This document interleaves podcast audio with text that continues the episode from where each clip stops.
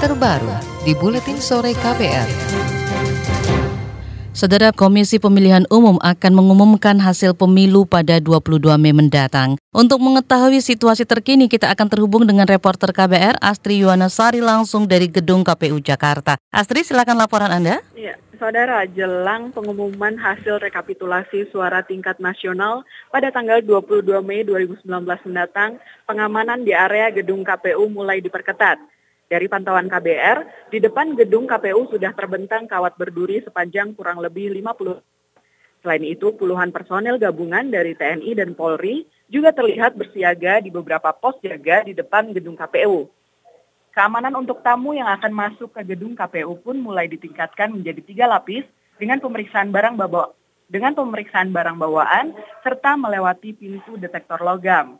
Berdasarkan informasi yang dihimpun KBR, skema pengamanan gedung KPU 22 Mei nanti akan ada tiga lapis. Ring satu adalah area gedung KPU, ring dua depan gedung hingga pintu gerbang KPU, dan ring tiga yaitu area parkir dan sepanjang Jalan Imam Bonjol, Jakarta. Hari ini Komisi Pemilihan Umum melanjutkan proses rekapitulasi penghitungan suara pemilu 2019 dan saat ini masih berlangsung proses rekapitulasi tingkat nasional wilayah kerja panitia pemilihan luar negeri atau PPLN Kuala Lumpur dan akan dilanjutkan untuk empat provinsi yakni Provinsi Riau, Papua, Sumatera Utara, dan Maluku. Dari Gedung KPU Jakarta, Asti Wanasari, KBR.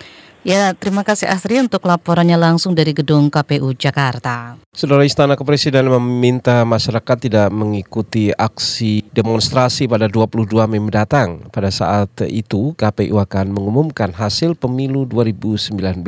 Kepala Kantor Staf Kepresidenan Muldoko mengatakan kerumunan masyarakat bisa memancing kelompok radikal melancarkan aksi teror. Karena kondisi itu tidak menguntungkan bagi siapa pun. Justru menguntungkan kepada pihak-pihak yang punya upaya, punya agenda untuk membuat situasi menjadi tidak baik.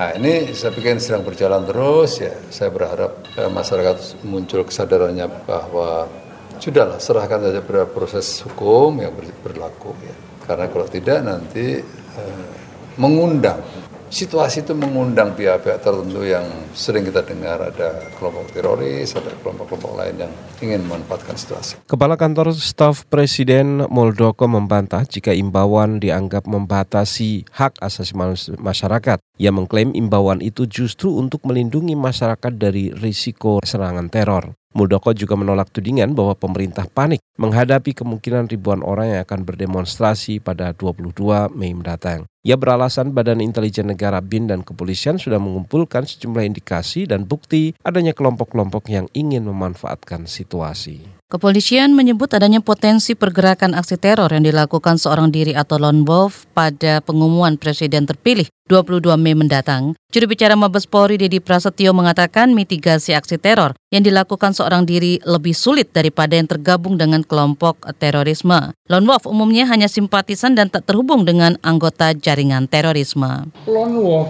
jauh lebih banyak, jauh lebih susah mendeteksinya lone wolf dibanding jaringan yang terstruktur.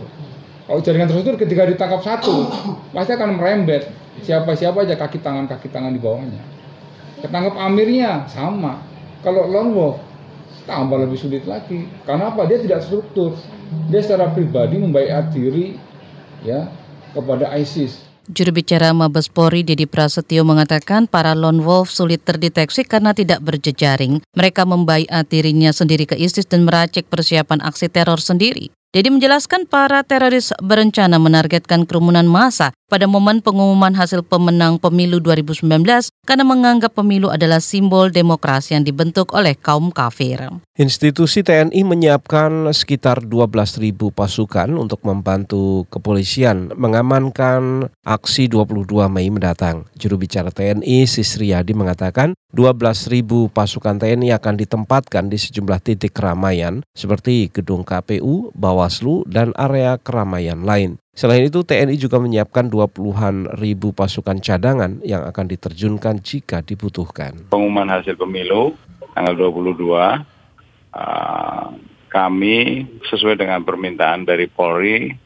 menyiapkan 12 ribu personil. Kemudian selain 12 ribu personil yang diminta oleh Polri, kami juga menyiapkan 20 ribu personil tambahan. Untuk mengantisipasi apabila terjadi perkembangan situasi yang tidak kita ingin. Itu uh, pasukannya uh, organik Kodam Jaya, kemudian diperkuat beberapa satuan yang ada di wilayah Jakarta. Jadi dari satuan-satuan uh, angkatan darat, satuan angkatan udara, satuan angkatan laut, gitu ya. Hmm. Kemudian diperkuat juga dengan satuan-satuan dari Kostrat dari wilayah uh, Jakarta dan Jawa Barat. Juru bicara TNI Sisriyadi mengatakan TNI juga sudah memetakan sejumlah rencana antisipasi menggunakan penghitungan intelijen uh, TNI. Namun sejauh ini TNI hanya akan bertugas membantu Polri mengingat tugas pengamanan seluruhnya berada di bawah komando polisi. Pengamat terorisme Haris Abu Ulia menilai masyarakat tak perlu khawatir dengan adanya aksi 22 Mei yang konon menjadi target sasaran terorisme. Menurutnya langkah polisi yang sudah menangkap 70-an terduga teroris memperkecil potensi adanya aksi terorisme. Justru mengucapkan terima kasih kepada Polri karena sudah menangkap orang-orang yang berencana melakukan aksi teror. Jadi yang mereka berjejaring dan artinya kan aman itu nanti aksi itu. Jadi nggak ada yang perlu dikhawatirkan untuk lone wolf atau jadi mereka yang sendiri itu mereka potensi untuk melakukan seperti itu atau aksi teror kalau kalau intuisi saya kecil, kemampuan mereka juga terbatas. Aman-aman aja, apalagi format yang didesain aksi tanggal 22 itu adalah aksi yang damai susah rasanya kalau kemudian ada individu yang kemudian sengaja untuk mengusik tanpa diketahui. Pengamat terorisme Haris Abu Ulia mengatakan ancaman aksi 22 Mei justru lebih besar kemungkinan ketegangan dan bentrokan antara pendukung capres dan aparat keamanan. Dia meminta polisi tak mudah terpancing emosi dan provokasi yang berujung pada bentrok dengan para pendukung capres yang melakukan aksi damai. Sejak Januari 2019, Densus 88 menangkap lebih dari 70 orang terduga teroris. Mereka tergabung dalam kelompok Jemaah Ansurut Daulah yang berafiliasi dengan ISIS. Dari 68 penangkapan, satu orang tewas meledakkan diri dan tujuh lainnya tewas di tangan polisi. Berdasarkan penelusuran Densus 88, para terduga teroris ini berencana menyerang kerumunan massa pada pengumuman hasil pemilu 22 Mei nanti. Sejenak kita berolahraga bersama Friska Kalia. KPR Sport. Operator kompetisi PT Liga Indonesia Baru atau LIB memberikan penjelasan mengenai penundaan pertandingan Liga 1 2019 antara Persib Bandung versus PS Tira Persikabo. Persib versus PS Tira Seyogjaya digelar di Stadion Sijalak Harupat pada Kamis mendatang atau satu hari setelah pengumuman hasil pemilu dan Pilpres 2019. Tetapi pertandingan itu batal digelar karena tak mendapat izin dari kepolisian. KBR Sport. Pebalap Yamaha Valentino Rossi mengaku belum mampu mengimbangi kecepatan Marc Marquez setelah hanya finish di posisi 5 pada balapan MotoGP Prancis minggu lalu. Start dari posisi kelima, Rossi finish di posisi kelima setelah tidak memiliki kecepatan yang dibutuhkan untuk bersaing dengan Marquez.